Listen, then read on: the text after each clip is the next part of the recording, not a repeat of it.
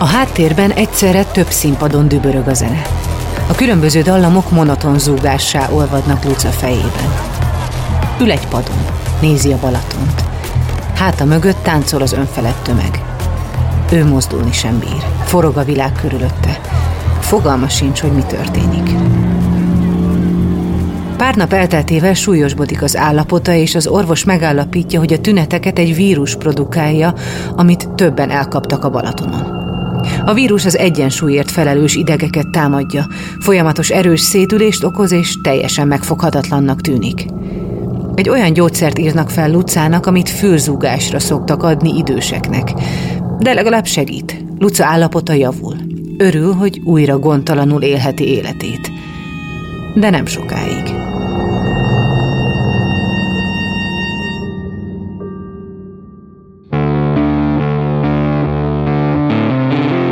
Lovas Rozi vagyok. Ez az Egyszer Lent. Egy podcast azokról, akiknek hatalmas pofont adott az élet.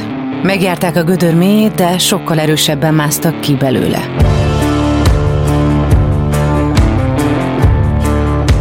Ha azt gondolod, mindennek vége, jussanak eszedbe ezek a történetek. Mindig lehet jobb, ha te is akarod.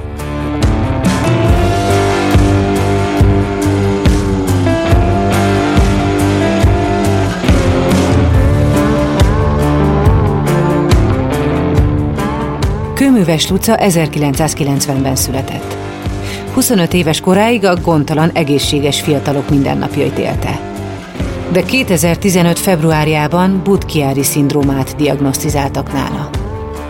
Eleinte azt gondolta, hogy ő ezt az egészet könnyebben megúszhatja, de pár hónappal később már az akut májtransplantációs várólistán találta magát.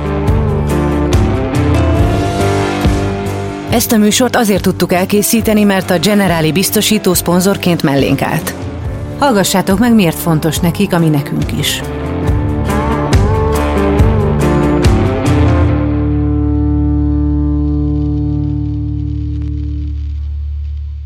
A leggyakrabban a semmiből jön az a bizonyos pofon, ami a padlóra küld. Elveszíted a munkád, a társad, vagy a saját egészséged mondja fel a szolgálatot. Ahányan vagyunk, annyiféleképpen vagyunk rosszul, és annyiféle támogatásra vágyunk. Mi a Generalinál abban hiszünk, hogy empátiával, személyes kapcsolattartással és rátszabott megoldásokkal úgy tudunk segíteni, ahogy neked a legjobb. Azért támogatjuk az Egyszer Lent podcastet, mert tudjuk, hogy ezek a történetek nem csak elgondolkodtatnak, hanem segítenek abban, hogy jobban odafigyeljünk egymásra, és ezzel megelőzhetjük a bajt, vagy csökkenthetjük azok súlyosságát. Reggeli pesgésben a város. A busz zögykölődik a kátyúk között. Luca álmosan támasztja fejét a hideg ablaküvegnek. A tükröződésben meglátja, hogy a sminkje kicsit elkenődött. Miközben megigazítja, észreveszi, hogy le kell szállnia. Gyorsan jelez, a busz megáll, Luca lepattan, sietősen lépdel a munkahelye felé. Ahogy beért, gyorsan megmossa az arcát a WC-ben, de egy átbulizott éjszaka nyomait egy arcmosás nem tünteti el. De nem is bánja.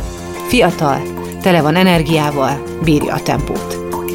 Nézi a tükörben, ahogy az arcán cseppekben folyik le a víz. A 20 évei elején, ahogy a legtöbben, ő is azt érzi, hogy elpusztíthatatlan. Önálló nő, van munkája is, kiegyensúlyozott párkapcsolata.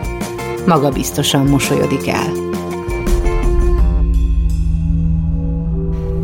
Ugyanilyen magabiztosan indult azon a napon is, amikor a reggeli készülődés közben észrevette, hogy valami nem stimmel. Nem tudja begombolni a nadrágját, mintha szűk lenne, mintha felpuffat volna. De hát nem is evett sokat. Másnap reggel ugyanezt történt, sőt, talán még szűkebb lett a nadrág. Meg tényleg olyan volt, mintha így fellettem volna puffadva egy kicsit, de nem is tudtam behúzni a hasam, tehát hogy nem uh-huh. nagyon kellem, olyan kellemetlen érzés volt, és ez, ez napról napra jobban nőtt, tehát hogy nem, nem is úgy nőtt a hasam, mint annak, aki terhes, hanem napról napra nőtt. És, és amikor már így akkora lett, akkor hogy, hogy szemmel láthatóan mindenki számára látható volt, akkor, akkor mentem el házi orvoshoz, hogy úgy érzem, hogy valami nem stimmel, nyilván akkor már több terhességi tesztet csináltam, meg ilyen patikában kapható puffadásgátlókat beszedtem, de nem használt semmi. Azon túl, hogy nőtt a hasad, azon túl más nem éreztél? Csak ezt a kényelmetlenséget, ami ezzel jár? Uh-huh. Igen, meg, meg tényleg olyan ijesztő volt, hogy úgy éreztem, hogy most aki terhes, az csak érzi, hogy valami mást is érez, vagy de úgy tényleg nem volt semmi, és akkor a házi orvos is, ahogy így megláttam, mondta, hogy hú, hát tényleg itt valami tényleg nem stimmel. A házi orvos Lucát ultrahangra küldte. Kiderült, hogy a hasában folyadék feszül.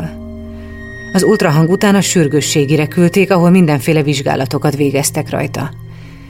Míg az eredményekre várt, rémülten nézett körbe, hogy milyen állapotban várakozik a többi beteg. Hiszen nekem hozzájuk képest semmi bajom nincs, gondolta. A vizsgálatok a legtöbb dolgot kizárták. Nincsenek kiukadva a szervei, nem terhes, a laborja is rendben van. Az állapota stabil, csak nem normális. Hazaküldték. A probléma megtalálásához további vizsgálatok szükségesek. Egy családi ismerős orvost kerestek meg, aki kivizsgáltatta Luca összes belső szervét, így a máját is. Az ultrahangot végző doktornőnek egyszer csak kikerekedett a szeme, de nem mondott semmit, és az ambuláns lapon is csak ismeretlen orvosi kifejezések voltak. Rögtön másnap nekem el kellett mennem egy CT-re, ahol viszont már konkrétan le volt írva utána a diagnózis, és hogy melyik vénámban van részleges és teljes elzáródás, és akkor ott már ott volt a neve, hogy Butkiári szindróma, amire nyilván rögtön rágugliztam, és, és megnéztem, hogy milyen szörnyű dolgokat művel ez a betegség, és meg is nyugodtam, hogy hogy nekem nincsen semmi bajom, mert hogy nekem nincsenek ilyen tüneteim, mm. amiket ez okoz. Ha a májpang, tehát nincs benne keringés, akkor a folyadék elkezd a hasba ürülni. Ezért nő meg a legtöbb májbeteg hasa. Luca a neten böngészve sok mindent olvasott, főleg a súlyos tüneteket. Viszketés, sárgaság, vese elégtelenség. A lista legvégén szerepelt a májtransplantáció. Luca a leírtakból semmit nem tapasztalt a has növekedésén kívül. Azzal is nyugtatta magát, hogy a máj képes regenerálódni. Az orvosok nem részletezték a betegségét. A CT után viszont befektették a kórházba, ahol két hetet töltött. Ez alatt további vizsgálatokat végeztek. Próbálták megfejteni, hogy mi okozhatja a vizesedést. Közben kaptam vízhajtókat, hogy ugye kihajtsák a hasamból a vizet, elkezdtek vérhigítóval kezelni, ugye, hogy, hogy ne legyen több elzáródás, illetve hogy oldják fel ezeket az elzáródásokat és egy ilyen genetikai vizsgálat is elkezdődött, hogy, hogy van-e valamilyen genetikai problémám, ami ezt okozhatta. Úgyhogy igazából a két hét alatt ennyi történt. Luca próbált végig higgadt maradni. Édesanyja azért jobban meg volt ijedve, de próbáltak mindig a következő feladatra és a megoldásra gondolni. Lucáról közben sorra potyogtak le a kilók. Ugye ez a folyadék, ami a hasüregben van, ez összenyomja a szerveket, a gyomrot is, tehát hogy nem, nem is tudtam ugyanannyit enni, uh-huh. mint előtte, sokkal hamarabb meg volt ugye a teltségérzetem, mint, mint előtte, amit egyébként egyáltalán nem bántam, mert hogy így világ életével problémám volt a súlyommal, úgyhogy ez, ezzel egyáltalán nem volt gond, de azért már volt ilyen fáradékonyság, de, de én, én így mindent megbeszéltem magammal, hogy hát nyilván most tök nagy a hasam, hát miért ne lennék fáradt, Szóval így mindennel így el tudtam számolni, hogy akkor ez most ezért van, és tehát, hogy így mindennek volt helye akkor, akkor abban, a, abban az időszakban. És mi lett a két hét vége? A vizsgálatoknak a vége? Vagy mi az, volt a következő az, lépés? Az volt a vége, hogy stabil az állapotom, és akkor folytassuk ezt a kezelést. Vettek egyébként mintát a hasamban lévő folyadékból, azzal is minden rendben volt, tehát egyébként ezek mind olyan vizsgálatok voltak, amiket én szerintem a mai napig nem tudom, hogy ezt így akkor így, hogy, hogy nem az, hogy hogy értem túl, de hogy így tehát mondom, nekem egy vérvétel annyira hihetetlen volt, nem hogy az, hogy beleszúrnak egy tűt a hasamba, és onnan így kiszívnak valamit. A kórházban töltött időszak után megpróbálta újra felvenni a hétköznapok pörgős ritmusát. Visszament dolgozni, ahol sokan furcsán néztek rá. Néhányan megjegyzéseket is tettek. Biztos nem vagy terhes, biztos jól megnézték, hogy nem vagy terhes. És egyébként az utcán is láttam a, a mosoly, mosolyokból, hogy, hogy valószínűleg mindenki azt gondolja, hogy terhes vagyok, meg hogy átadták a helyüket. Tényleg? Igen. És ezt hogy élted meg? Ez borzasztó nehezen. Tehát, hogy annyira utáltam az összes embert, aki rám mosolygott az utcán, hogy legszívesebben így egy ilyen transzparenssel így jártam volna, hogy nem vagyok terhes. Hmm mert szóval úgy, értettem, hogy úgy éreztem, hogy nem vagyok megértve, tehát hogy miért gondolják azt, hogy akinek nagy hasa van, az terhes, de közben nyilván én, mivel már ki voltam okosodva, ezért tudtam, de mondjuk egy hónappal az előtt valószínűleg én, én, is, én is így gondolkoztam volna, és aztán aztán egyszer anyukám ült le, és mondta azt, hogy figyelj, kicsikém, te egy fiatal, szép, vékony lány vagy, akinek nagy a hasa, hát most végig mit gondolna bármelyik ember, tehát nyilván nem gondol bele, hogy ú, biztos valami más baja van, hanem hogy, és egyébként ott ő ezzel így megnyugtatott, tehát utána már kihasználtam a helyzetet, és mondjuk megköszöntem a helyet a buszon, és leültem. Konkrét magyarázatot pedig nem tudott adni, mert nem tudta pontosan mi a baja. Kollégái csak annyit láttak, hogy egyik orvostól megy a másikhoz, közben pedig csak nő a hasa. Luca napról napra fáradtabbnak érezte magát. Gyakran volt hányingere, és egyre többet hányt. Májusban döntöttem úgy, hogy táppénzre megyek és befejezem a munkát, mert hogy ott meg iszonyúan próbáltam helytállni, tehát hogy nehogy az legyen, hogy én most én most hazamegyek pihengetni hónapokra vagy hetekre, úgyhogy találgatjuk, hogy mi a bajom, hanem próbáltam azért helytállni, de nyilván májusban ott, ott fel kellett ismernem, hogy se fizikailag nem bírom, és lelkileg sem bírom tartani magam, hogy ebben a bizonytalanságban, úgyhogy még egy, egy másik fórumról is kapjam a kérdéseket, hogy akkor most ma is elmész hamarabb, meg ma, ma is később jössz be, meg, uh-huh. meg most már megint le kellett ülnöd, tehát éreztem, hogy azért hátráltatom a kollégáimat is, akkor egyébként vendéglátásban dolgoztam, úgyhogy ezzel én egy ilyen terhet tettem le magamról, hogy, hogy akkor úgy döntöttem, hogy, hogy akkor ezt így mostanáig bírtam. A betegség hónapjaiban sok barát lemorzsolódott Luca mellől, de nem bánta. Legalább kiderült, kik az igazi barátai. Teljesen megváltozott az élete. Nem ülhetett be a barátaival spontán egy fröccsre. A vizsgálatok közötti szabadidejében pihennie kellett. Ez volt most a feladata. Erre kellett koncentrálnia. A vizsgálatok sorra követték egymást, mert még mindig nem találták a probléma gyökerét. Az egyik mélypont a csontvelő mintavétel volt. Iszonyú vicces volt, mert, mert maga az orvos is ilyen nagyon vicces fazon volt, tehát ilyen magas, szemüveges, mint egy rajzfilm figura, és akkor így én meg így összetöpörödve, mint egy ilyen kis gombóc úgy vártam, és akkor mondta, hogy jó napot, én vagyok a végrehajtó. és akkor így mondtam, hogy úristen, mondom, szerint, szerint ez ennyire vicces tényleg, hogy így és egyébként maga a vizsgálat nem fáj, mert hogy elérzéstelenítik, de mondjuk így végig ébren vagyok, vagy voltam, és megkértem egyébként, hogy nem mondja, hogy mit csinál, mert hogy nem érdekel. Meg hogy mondta, hogy megnézem, mert mondtam, hogy nem nézem meg, nem érdekel. Lehet, hogy most már megnézném, vagy most érdekelne, de nyilván akkor úgy éreztem, hogy egyáltalán nem érdekel már, hogy mit csinál, hogy mit vesz, hogy hogy néz ki, csak hogy így valami legyen.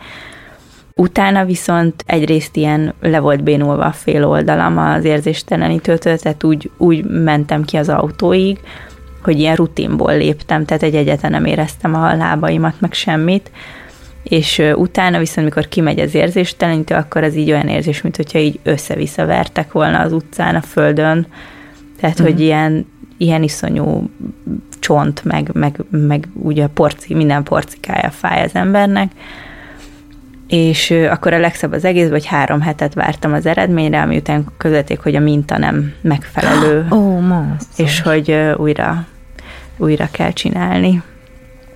Úgyhogy, úgyhogy előről kellett kezdeni.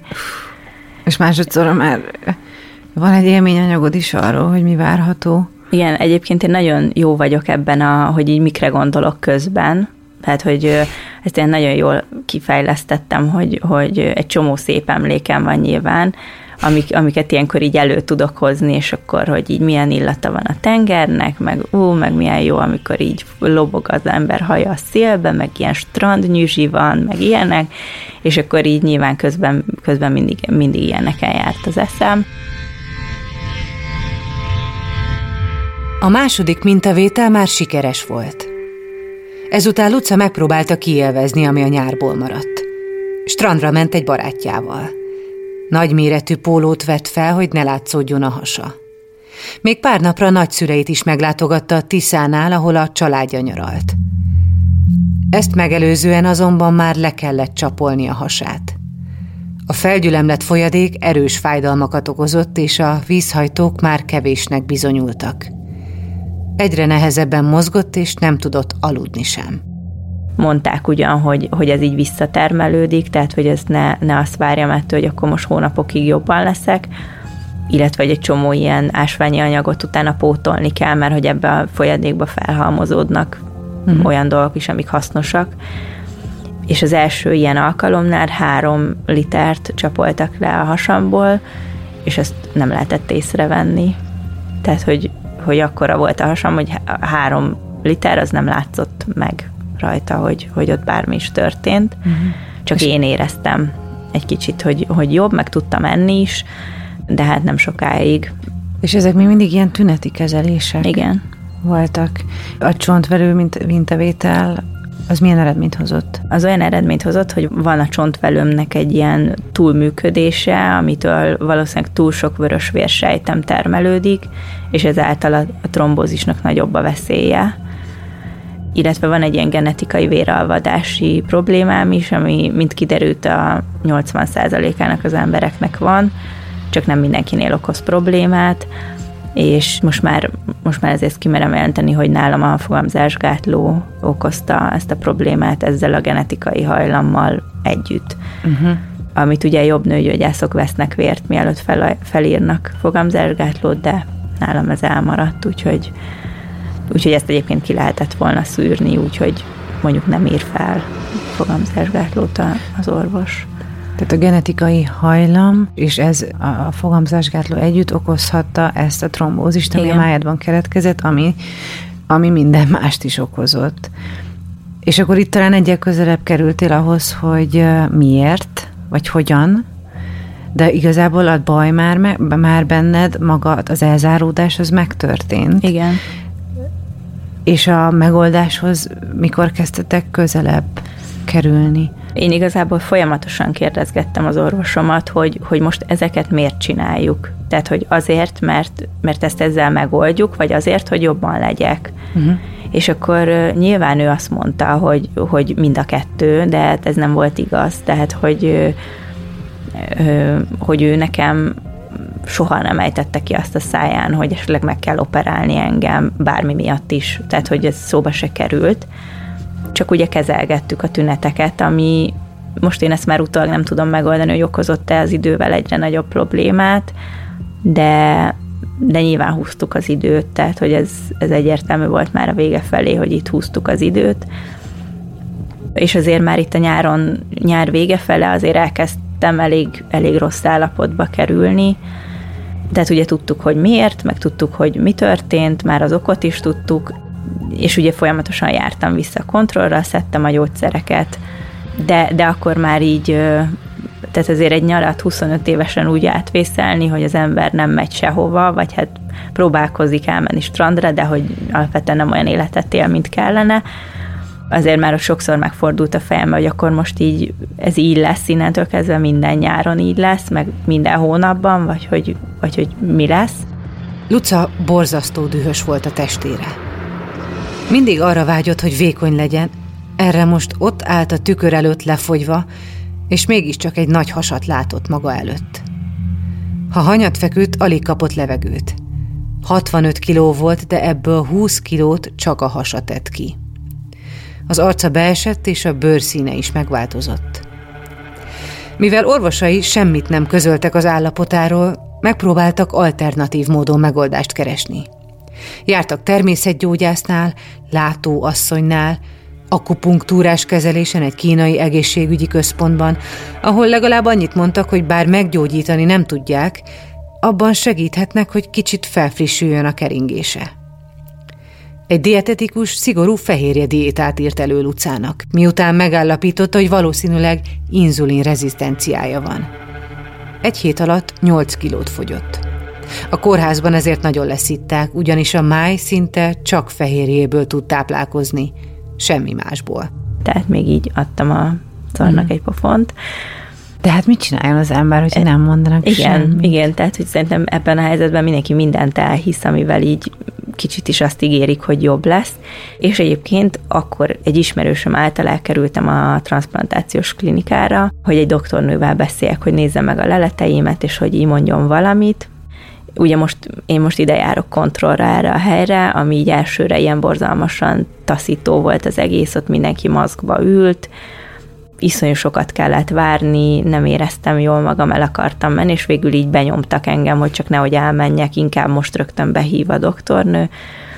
Egyébként ilyen nagyon kimért és rideg ö, doktornő volt, de így megkérdezte, hogy mi a kérdés, hogy nem érti, hogy, hogy mit nem értek, vagy hogy mi a kérdésem, és akkor mondtam, hogy hát, hogy, hogy ez micsoda, és hogy hát mondta, hogy hogy, hogy mi, hát magának új máj kell.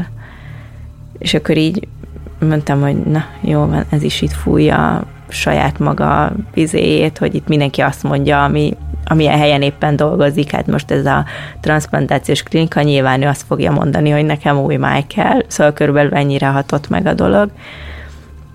És ő adott nekem egy listát, hogy milyen vizsgálatokat kell megcsináltatnom ahhoz, hogy felkerüljek a várólistára. És én ezt akkor elvittem a kezelőorvosomnak, aki így megköszönte és elrakta tehát, hogy ezzel még ő is megnyugtatott engem, hogy itt szó sincs arról, hogy nekem erre szükségem lenne. Időközben a nagy szerelem is tönkrement.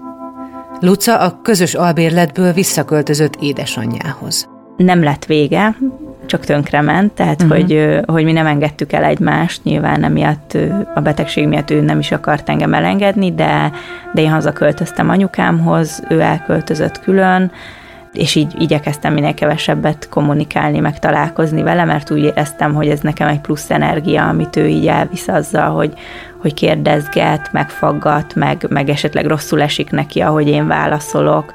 Tehát, hogy nem voltam én akkor egy barátságos ember egyáltalán. Luca édesanyja végig kísérte a nehéz időszakban. Hozta, vitte mindenhová. Miközben végig kellett nézni a lánya szenvedését, és teljesen tehetetlen volt. A második leszívás alatt már megváltozott a folyadék színe. Piros volt a vértől. A kezelőorvos ekkor egyébként egy hónapig szabadságon volt, el sem lehetett érni. Luca minden hétköznapját kórházban töltötte. Hétvégére mehetett csak haza. Az egyik ilyen hétvégén vasárnap jöttem rá. Nagyon fáradt voltam egész hétvégén, és akkor olyan feltűnően sokat aludtam, tehát előtte nem volt olyan, hogy így órákig föl se keljek és nagyon sokat aludtam, és akkor vasárnap rájöttem, hogy nem voltam még pisilni egész hétvégén. És akkor mondta anyukám, hogy jó, hát akkor most megyünk vissza a kórházba, akkor borzasztóan ki voltam borulva, hogy a vasárnapi éjszakás műszak fog engem fogadni, akik így, most jó, nem akarok csúnyát mondani, hogy de hát nem, nem a legélesebb ö, csapat volt az, akihez úgy szívesen kerül az ember, és akkor visszamentem még vasárnap, akkor megkatétereztek, amit még akkor se soha előtte, és, és az se sikerült jól, mert hogy, mert hogy nem jó méretet próbáltak. Ott sírtam egyébként először az egész évelejétől kezdve. Uh-huh. Ott, ott, ott jött ki így ezen a katéteres mutatványon jött ki, hogy így most még tényleg, most még, most még mi lesz itt, tehát hogy már így ne, nem, tudom, nem tudtam nagyon olyan porcikát mutatni, ami mondjuk így ne fájt volna, vagy ne lett volna valami gigszer. És akkor ugye jött a hétfő, mm, egy csomó orvos elkezdett ott fejvesztve szaladgálni, meg intézkedni, mert hogy kiderült, hogy a veséim elkezdtek leállni, ahogy így átvették a, a májamtól a szerepet, meg a sok gyógyszer nyilván, meg a sok vízhajtó nem, nem tett nekik jót. Úgyhogy akkor még egy új dologgal ismerkedtem meg, ami a művesekezelés volt, amit azt se, azt se tudtam, hogy ez micsoda, tehát hogy így mondták, hogy akkor most ide a nyakamhoz beültetnek egy csövet, és akkor azon keresztül fognak kezelni heti háromszor négy órát, hát mondtam, hogy oké, okay. tehát hogy ott már szerintem így nem nagyon voltam tudatában annak, hogy most ennek így utána nézzek, hogy mi az, hogy művesekezelés, meg hogy vannak, akik évekig járnak erre, amíg kapnak egy új vesét, tehát hogy ez így meg se fordult a fejembe, hogy ez ilyen komoly dolog. úgyhogy akkor az is el, és akkor onnantól kezdve már nem engedtek haza a kórházból, illetve anyukám se, mert ő meg azt mondta, hogy ő meg nem megy haza. Úgyhogy ő egy ilyen kétágyas szobába kerültem be, ahol anyukám ott aludt onnantól kezdve minden nap, és minden reggelre ő felöltözött, hogy nehogy azt így őt pizsamába lássák, de, de hát már az összes tudca ott volt, meg teljesen be volt oda költözve. Lucát már semmi nem tudta lekötni. Próbálkoztak filmekkel, könyvekkel, zenével, keresztrejtvénnyel, de semmi nem érdekelte. A művese kezelés úgy néz ki, hogy leszívnak bizonyos mennyiségű vért, amit egy gépben keringetnek, így kiszűrik a káros anyagokat. A kezelés végére borzasztó fáradt lesz az ember. Luca is mindig aludt utána. És ezzel még mindig csak a tünetet kezelték. A rezidens orvosok, akik a szabadságon lévő orvost helyettesítették, Előkeresték Luca korábbi papírját, amin rajta volt, hogy milyen vizsgálatok szükségesek a transplantációhoz. Majd tolószékben tolták őt vizsgálatról vizsgálatra. Ez a két hónap, ez volt talán a legnehezebb minden szempontból. Tehát nyilván akkor voltam már a legrosszabb állapotban, tehát ott már nem keltem föl az ágyból. Ha vittek, akkor tolószékbe, vittek mindenhova, egyáltalán nem tudtam magamat ellátni, szóval semmilyen, semmilyen szempontból, és ez a felismerés azért így, így időszakonként így beugrott a fejembe, hogy így úristen, mi van veled? Így fekszel 25 évesen, még a bögrédet se éred el az éjjeli szekrénye, még ahhoz is segítség kell, tehát hogy hogy azért ott voltak, voltak ilyen felismerő mélypontok, hogy ezt én így akarom egyáltalán, meg hogy most komolyan, most még hány vizsgálat lesz, meg most még mit akarnak, és hogyha meg nincs erre, tehát hogy azért így nyilván volt sok időm gondolkozni, és azért ugye ezeket úgy meg elgondolkoztam rajta, hogy mennyi idő telt el, tehát hogy eltelt fél év, amíg én a vendéglátásból és a minden hétvégi bulizásból eljutottam ide, hogy így Jézusom, tehát hogy ez ilyen ilyen nagyon durva felismerés volt akkor abban az időszakban,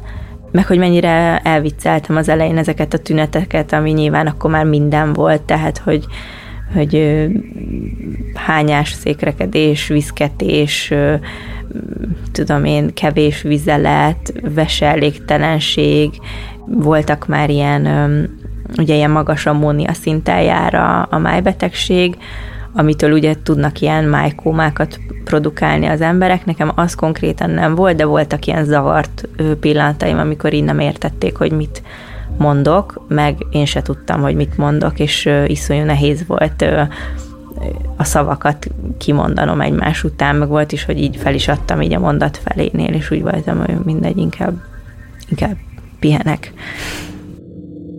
Ki tudsz emelni egy ilyen legmélyebb pontot, vagy egy pillanatot, vagy egy helyzetet, egy szituációt, amikor úgy az tényleg így a fal volt, vagy amire azt mondanád, hogy igen, volt egy olyan nap, ami most, most nem vagyok benne biztos, hogy ez mindegy napon történt, de ezt körülbelül így össze tudnám csoportosítani. Egyrészt, amikor volt egy ilyen nagyon arrogáns doktornő, aki egyébként tehát azért volt arrogáns, mert iszonyúan a szívén viselte ezt az egészet, és ő ilyen kőkeményen hajtotta, hogy ez minél hamarabb meglegyen, és hát nyilván valahogy valahogy úgy szólt oda anyukámnak, de nem is a szobában, hanem kint az ajtó előtt, hogy, hogy anyuka ne tartson föl, mert a lánya életéért küzdünk, vagy valami ilyesmi, és valószínűleg nem tudták, hogy hallom ezt a, ezt a megjegyzést, és szerintem aznap, vagy valahogy így akkor lehetett az, hogy már egyáltalán nem tudtam aludni, és nyilván ettől a folyamatos ébrenlétben annyira ideges voltam már,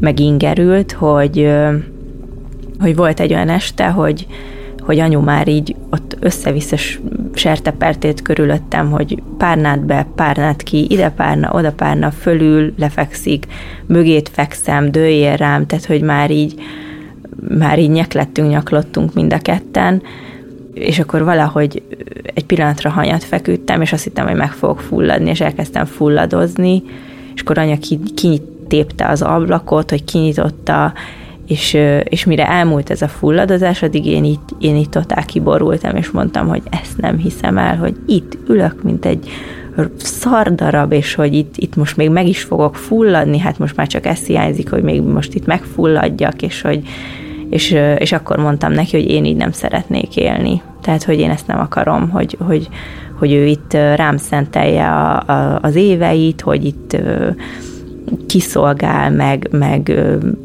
a, igazgatja a csöveket, meg, tehát, hogy, hogy én, ezt, én ezt nem akarom. És, és nyilván akkor volt egy ilyen nehéz beszélgetésünk azzal kapcsolatban, hogy, hogy akkor mi van, ha ez nem fog sikerülni, ez a gyógyulás, ami, ami nyilván borzasztó nehéz volt, főleg neki, de én pedig úgy gondoltam, hogy ezt muszáj megbeszélnünk, hogy akkor mi lesz, mi lesz, hogyha mégse sikerül, és hát nyilván egy anyának erről beszélni a gyerekével az nem, nem, nem igazán a legjobb dolog. A vizsgálatok végéhez közeledve vissza kellett mennie a transplantációs klinikára, ahol újra találkozott a hepatológus orvossal. Lucát a mentő vitte oda. Egy tolószékben várta, hogy sorra kerüljön. Amikor körülnézett maga körül, és eszébe jutott, hogy hónapokkal ezelőtt hogy nézett a sok kiszolgáltatott beteg emberre maga körül.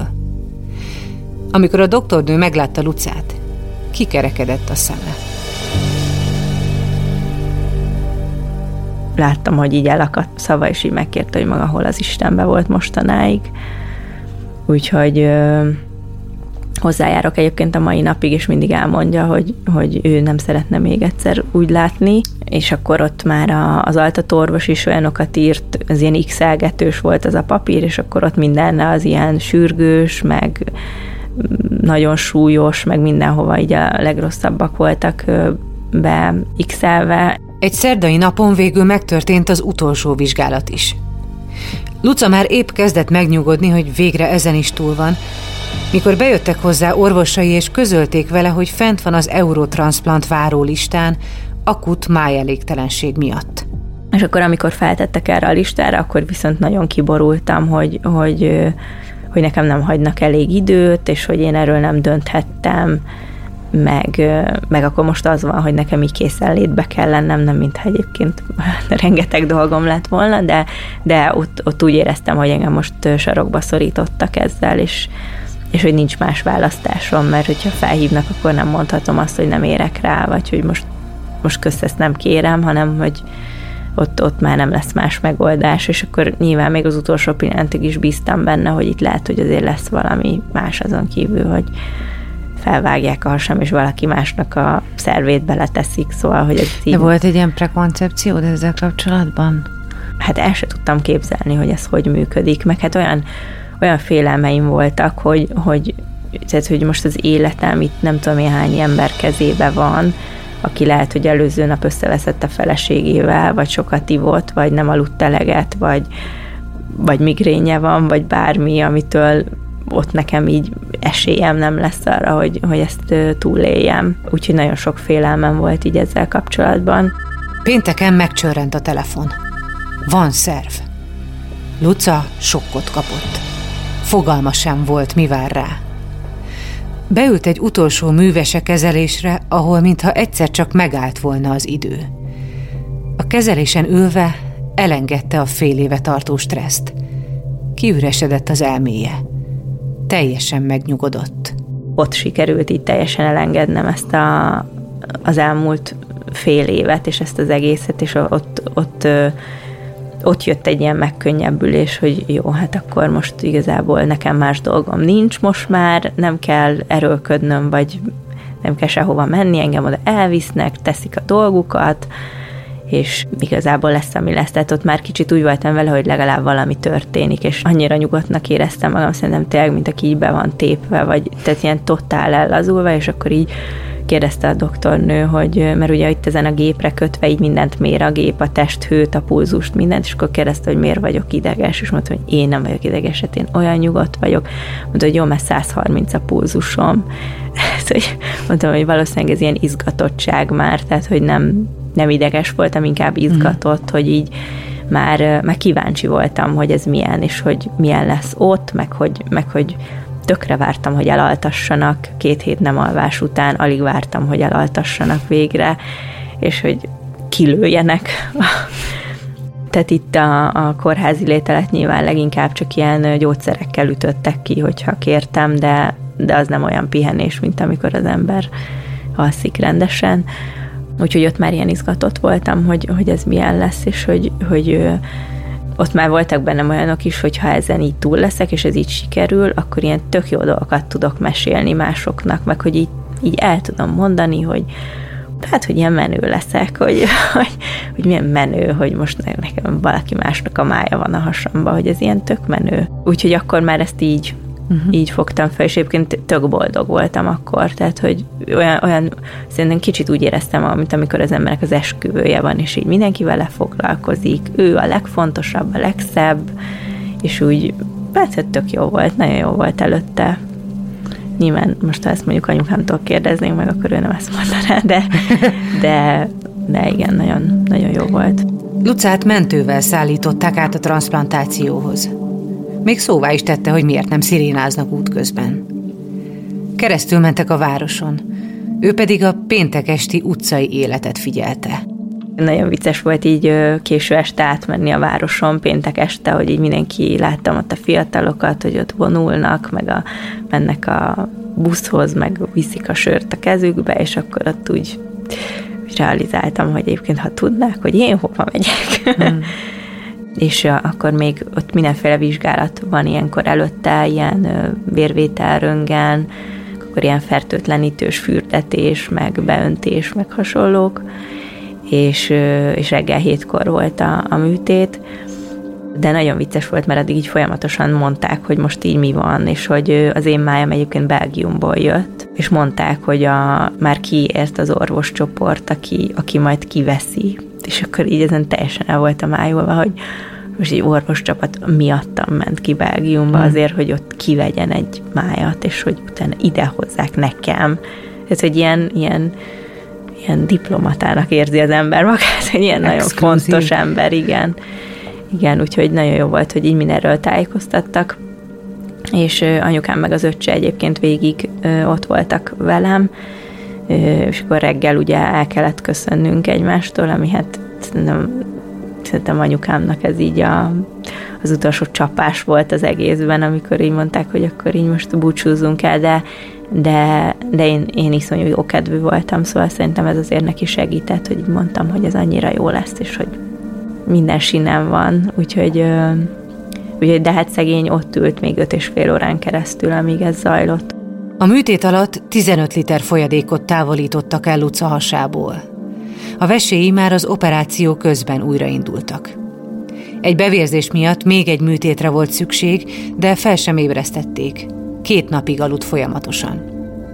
Aztán átkerült az intenzív osztályra, ahol nagyon erős gyógyszereket, morfiumot, fájdalomcsillapítókat kapott. Ettől rengeteget halucinált. Nagyon sok vért láttam, nagyon sokszor szóltam az ápolóknak, hogy vérzik a kezem, és nem vérzett. Aztán volt, hogy nekik is szóltam, hogy vérzik az orruk, meg madara, madarak voltak egyfolytában fölöttem, és akkor volt, hogy így azt gondoltam, hogy lehet, hogy már ilyen dökkesejük, de hogy én ezt így nem is érzem, hogy, mert hogy én úgy érzem, hogy nem haltam meg. Anyukám meg azt mondta, hogy nagyon-nagyon undok voltam vele, tehát hogy még soha ennyire csúnyán nem beszéltem bele, és hogy ő azt gondolta, hogy így fogok maradni, hogy így, tehát hogy bármit hozott mindenre, így mondtam, hogy vidd innen ezt a szart, meg meg hasonlók, és hát akkor neki azért elmondták, hogy, hogy ez a sok gyógyszer, ez, ez nem fog így maradni, de hogy nyilván mindenkire másként hat. De te emlékszel erre? Erre a viszonyra akkor anyukád? Nem. Nem. Nem. Nem azt, ö, arra emlékszem, mert hogy mondta, hogy nem figyeltem oda rá, hanem mindig az ápolókat figyeltem, és, ö, és hogy mindig azt hittem, hogy rólam beszélnek. És hogy ilyen kicsit ilyen üldözési mániám lett, hogy azt gondoltam, hogy engem beszélnek ki, meg hogy, meg hogy rólam beszélnek, hogy még mit adjanak nekem, meg mondtam ott az orvosoknak, hogy én már nem kérek több ilyen gyógyszert, mert most már teljesen elment az eszem, és azt hittem, hogy engem ott meg akarnak ölni, azért nem figyelnek oda rá, meg azért mennek ki az ápolók dohányozni, mert, mert vár, megvárják, míg meghalok. Wow. Úgyhogy igen, tehát ez egy ilyen teljesen másik tudatállapot. Ezt követően átkerült a kórházi osztályra, ahol már nem volt egyedül. A halucinációk is ritkultak. Egyre tisztább lett a tudata. Érezte, hogy elkezdett újra erőre kapni, és mindent megtett, hogy minél hamarabb hazamehessen. Közben ismerkedett a tudatta, hogy az új szerv mentette meg az életét. Jó barátként gondolt rá. Megköszönte neki, hogy vigyáz rá.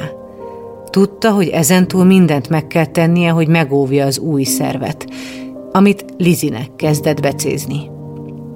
Eleinte azért gyakran eszébe jutott, hogy vajon kié lehetett a szerv, ami már az ő része. Annyit tudok, hogy egy 34 éves nő volt, és hogy autóbalesetben halt meg. Egy év után egyébként írtam egy ilyen névtelen levelet a vérellátó szolgálatnak, amit ők továbbítottak a, a hozzátartozóknak, de ugye abban nem lehet semmilyen személyes adat, tehát csak így nagy vonalakban, hogy ki vagyok és mi történt. Azzal egyébként ezt így le tudtam zárni, ezt a kérdéskört, hogy gondolkozok azon, hogy volt-e családja, vagy gyereke, vagy nem akartam ezen emészteni magam. Úgyhogy szerintem ez így jól, jól sikerült, mert, mert így jól összeszoktunk. Aztán végül eljött a várva várt nap, amikor Lucát hazaengedték. 13 nap után mentünk haza, de addigra már ilyen nagyon, nagyon aktivizáltam magam, szóval így tényleg mindent megtettem, hogy csak kerüljek ki végre a kórházból, hogy kiszolgáltam a szobatársaimat, hát tényleg a, ezzel a két héttel olyan voltam ott, mint egy ilyen, ilyen őslakos, tehát hogy annyiszor cserélődtek körülöttem a, a szobatársak, hogy már mindenkinek mondtam, hogy igen, ott a fürdő, ott a villanykapcsoló már, és én még mindig itt vagyok. Úgyhogy hazamentünk, és hát ott egy ilyen nagyon, nagyon új időszak jön, mert ugye anyukám az újra ugye úgy kezelt, mint hogyha most születtem volna meg, és sokkal gyorsabban regenerálódtam, mint ő. Uh-huh. És nyilván az elején még nagyon kell vigyázni, tehát az első egy év az ott azért így minden lehet, ott, ott nagyon sok mindenre kell vigyázni, tehát nem, nem mehettem ugye közösségbe, zárt helyre, Fertőzésekre, vírusokra, igen. ilyesmire kell vigyázni? Igen, igen. Ez ugye a szervátültetés után olyan gyógyszereket kapunk, amik lenyomják az immunrendszerünket, hogy ne támadja meg a, a beültetett szervet, Aha. és ne lökje ki. Ez, ahogy telnek az évek, egyre kevesebb a gyógyszer, és egyre kevésbé nyomják le az immunrendszerünket, ahogy ugye egyre jobban szokunk össze, de az elején azért nagyon sok gyógyszer van nagyon sok mellékhatással, nyilván ezeket is azért ilyen fiatal lányként nehéz volt az elején, hogy ilyen marékba hullott a hajam, meg nagyon remegett a kezem nagyon sokáig, és hát egyébként 45 kilósan jöttem ki a kórházból, úgyhogy olyan se volt még, hogy engem fel kelljen hízlalni, ez mondjuk nyilván nagyon tetszett, de ugye ilyen szteroidot is kaptam az elején, akkor attól a bőröm is nagyon csúnya lett, szóval volt egy csomó olyan dolog, ami, ami így ezt a gyógyulási időszakot kicsit így megrondította. És egy nyilván borzasztó nehéz volt anyukámmal egy szintre kerülni, hogy ő még ugye nyalogatta a sebeit, én meg már mint a kikelt pillangó, úgy éreztem, hogy enyém a világ, és akkor és akkor... Benyukát hogy volt? Teljesen kimerülve, vagy ő még sokban? Ő, ő nagyon, nagyon tartotta magát mindig előttem, tehát én tudtam, hogy ő padlón van, de nem láttam sose. És hát ugye az, tehát, hogy az ő lelkével úgy nagyon nem foglalkozott senki, tehát, hogy nem, szerintem kellett volna neki egy szakember e, ennek a feldolgozásában, és hát én sem viselkedtem mindig úgy vele így a gyógyulási folyamat alatt, ahogy kellett volna, és ö, egyébként egy évre rá neki volt egy agyvérzése, úgyhogy ö, hát így jól visszakaptam én is a, milyen a, milyen a kórházban aggódni valakiért, úgyhogy mondtam is neki, hogy ez így tényleg sokkal rosszabb, amikor, amikor te állsz az ágy mellett, és, és más van az ágyban, mert hogy az úgy sokkal könnyebb. Hm. Tehát, hogy úgy saját magadért szerintem nem is aggódsz annyira. Azóta már mindketten rendbe jöttek. Luca édesanyjának nehéz volt újra elengednie lányát, aki fél év után elkezdett újra dolgozni. Egy új munkahelyen, teljesen új területen helyezkedett el. Elkezdett újra sportolni, és a szervát ültetettek szövetségének köszönhetően több külföldi versenyre is kijuthatott. Szeret úszni, síelni, és bár a versenyzés nem az ő világa, az új közösségért nagyon hálás. És változtál? Van nagyon sokat. Mibe változtál leginkább? hát iszonyú tudatos lettem szerintem azóta, most ezt így nem az ilyen egészséges életmód, vagy ilyesmit, de abszolút ismerem a szervezetemet, meg, meg nagyon jól figyelek rá, tehát azért nem követek el már olyan hibákat, mint régen, hogyha mondjuk úgy érzem, hogy nem vagyok jól, akkor így minden, mindenkit háttérbe, vagy mind, tehát magamat háttérbe szorítom mindenkivel szemben, hanem, hanem olyankor abszolút én vagyok az első, és az a legfontosabb, hogy, hogy így, hogy velem mi van, és hogy, tehát, hogy én nem bagatelizálom el az ilyen dolgokat, nem is tolom túl, de azért úgy figyelek, és, és nyilván meg, megtanultam ezeket kezelni, szerencsére nem vagyok sokszor beteg, vagy nincs ilyen probléma, de azért, hogyha bármi van, akkor, akkor úgy visszafogom magam, és, és úgy odafigyelek. Lucának a műtét után egy év kellett, hogy újra biztonságban érezze magát a saját testében. A gyógyulás alatt felvette a kapcsolatot több olyan személlyel is, akik hasonló cipőben jártak. Segíteni akart olyanokon, akik még a transplantáció előtt álltak. Szoktam ilyen emberekkel beszélni, és van egy ilyen látogató program, ami, amiben benne vagyok, és vagy frissen átültetett, vagy még előtte álló fiatalokkal szoktam beszélgetni, és leginkább, ami mondjuk nekem segítetten, az egyetlen dolog az volt, hogy láttam, hogy milyen ez a lány, és láttam, hogy, hogy nem látszik ez rajta, tehát hogy ez nem egy olyan dolog, ami, ami felismerhető az emberen. Talán ez az, amit így megszoktam fogni, hogy lássanak, hogy, hogy nem vagyok szomorú, összeesett, depressziós. Úgyhogy én általában az életemről szoktam mesélni, hogy, hogy így azóta mi történt, vagy azóta miket csináltam, nyilván még nekik az segít, hogy így pontosan ismerem az érzéseit, meg meg hogy tudom, tudom, hogy milyen érzés, amikor ilyen bizonytalan és kilátástalan a, a helyzet.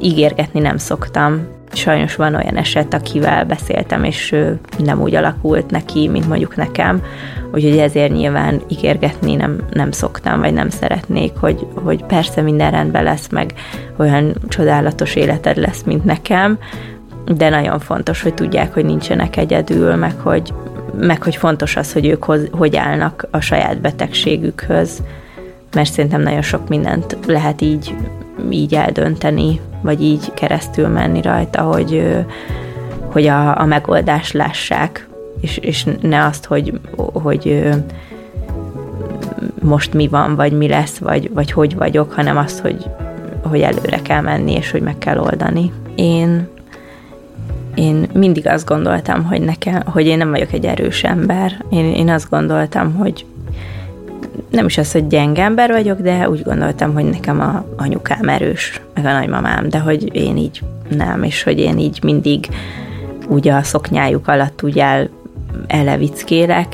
Azt is gondoltam, hogy a fájdalom küszöböm az egyelő a nullával, ami mégis így is volt, mert mondjuk megjött, akkor biztos nem mentem iskolába. Szóval, hogy voltak ilyen dolgaim, vagy a vérvétel, amiről meséltem, és hogy hát azért ezek erősen rácáfoltak így az összesre, és azt gondolom, hogy nagyon kevés önbizalmam volt, és azért is éltem olyan életet, vagy azért is volt ilyen nagy bulizós baráti társaságom, mert azzal próbáltam így az önbizalmamon faragni, vagy javítani, és hogy most ez nekem adott egy ilyen egészséges önbizalmat, hogy nem kérkedek azzal, hogy én túl vagyok ezen, de hogy, de hogy én tudom, és hogy, és hogy nyilván tudom, hogy,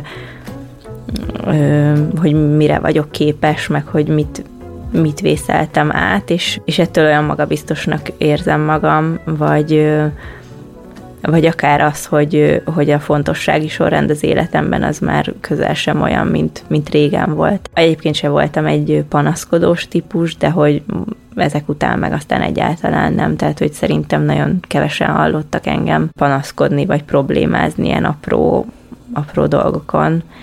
És tökre örülök, hogy ezt egyébként észreveszik mások, és hogy mondjuk aki, aki azóta megismert, az már így ismert meg, és, és ezeket így ők is észreveszik, és hogy szeret, szeretik, hogy, hogy, hogy ilyen vagyok.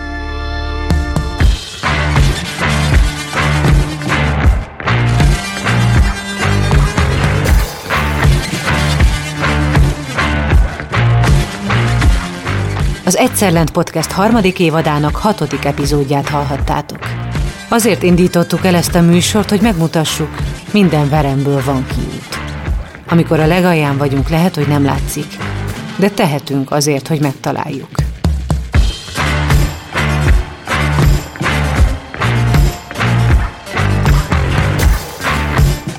Az epizód szerkesztője Mihály Kövisára, szövegíró Horváth János Antal, a gyártásvezető Grögerdia, a zenei és utómunka szerkesztő Szűcs Dániel, a kreatív producer Román Balázs, a producer pedig Hampuk Rihárd volt.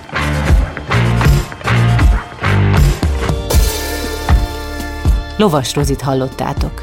Két hét múlva újabb történettel jövök.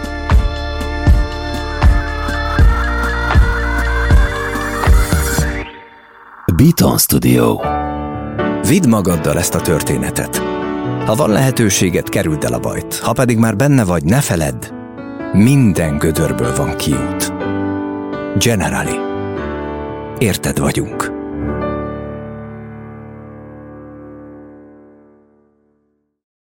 Ha más podcastekre is kíváncsi vagy, hallgassd meg a Béton műsor ajánlóját.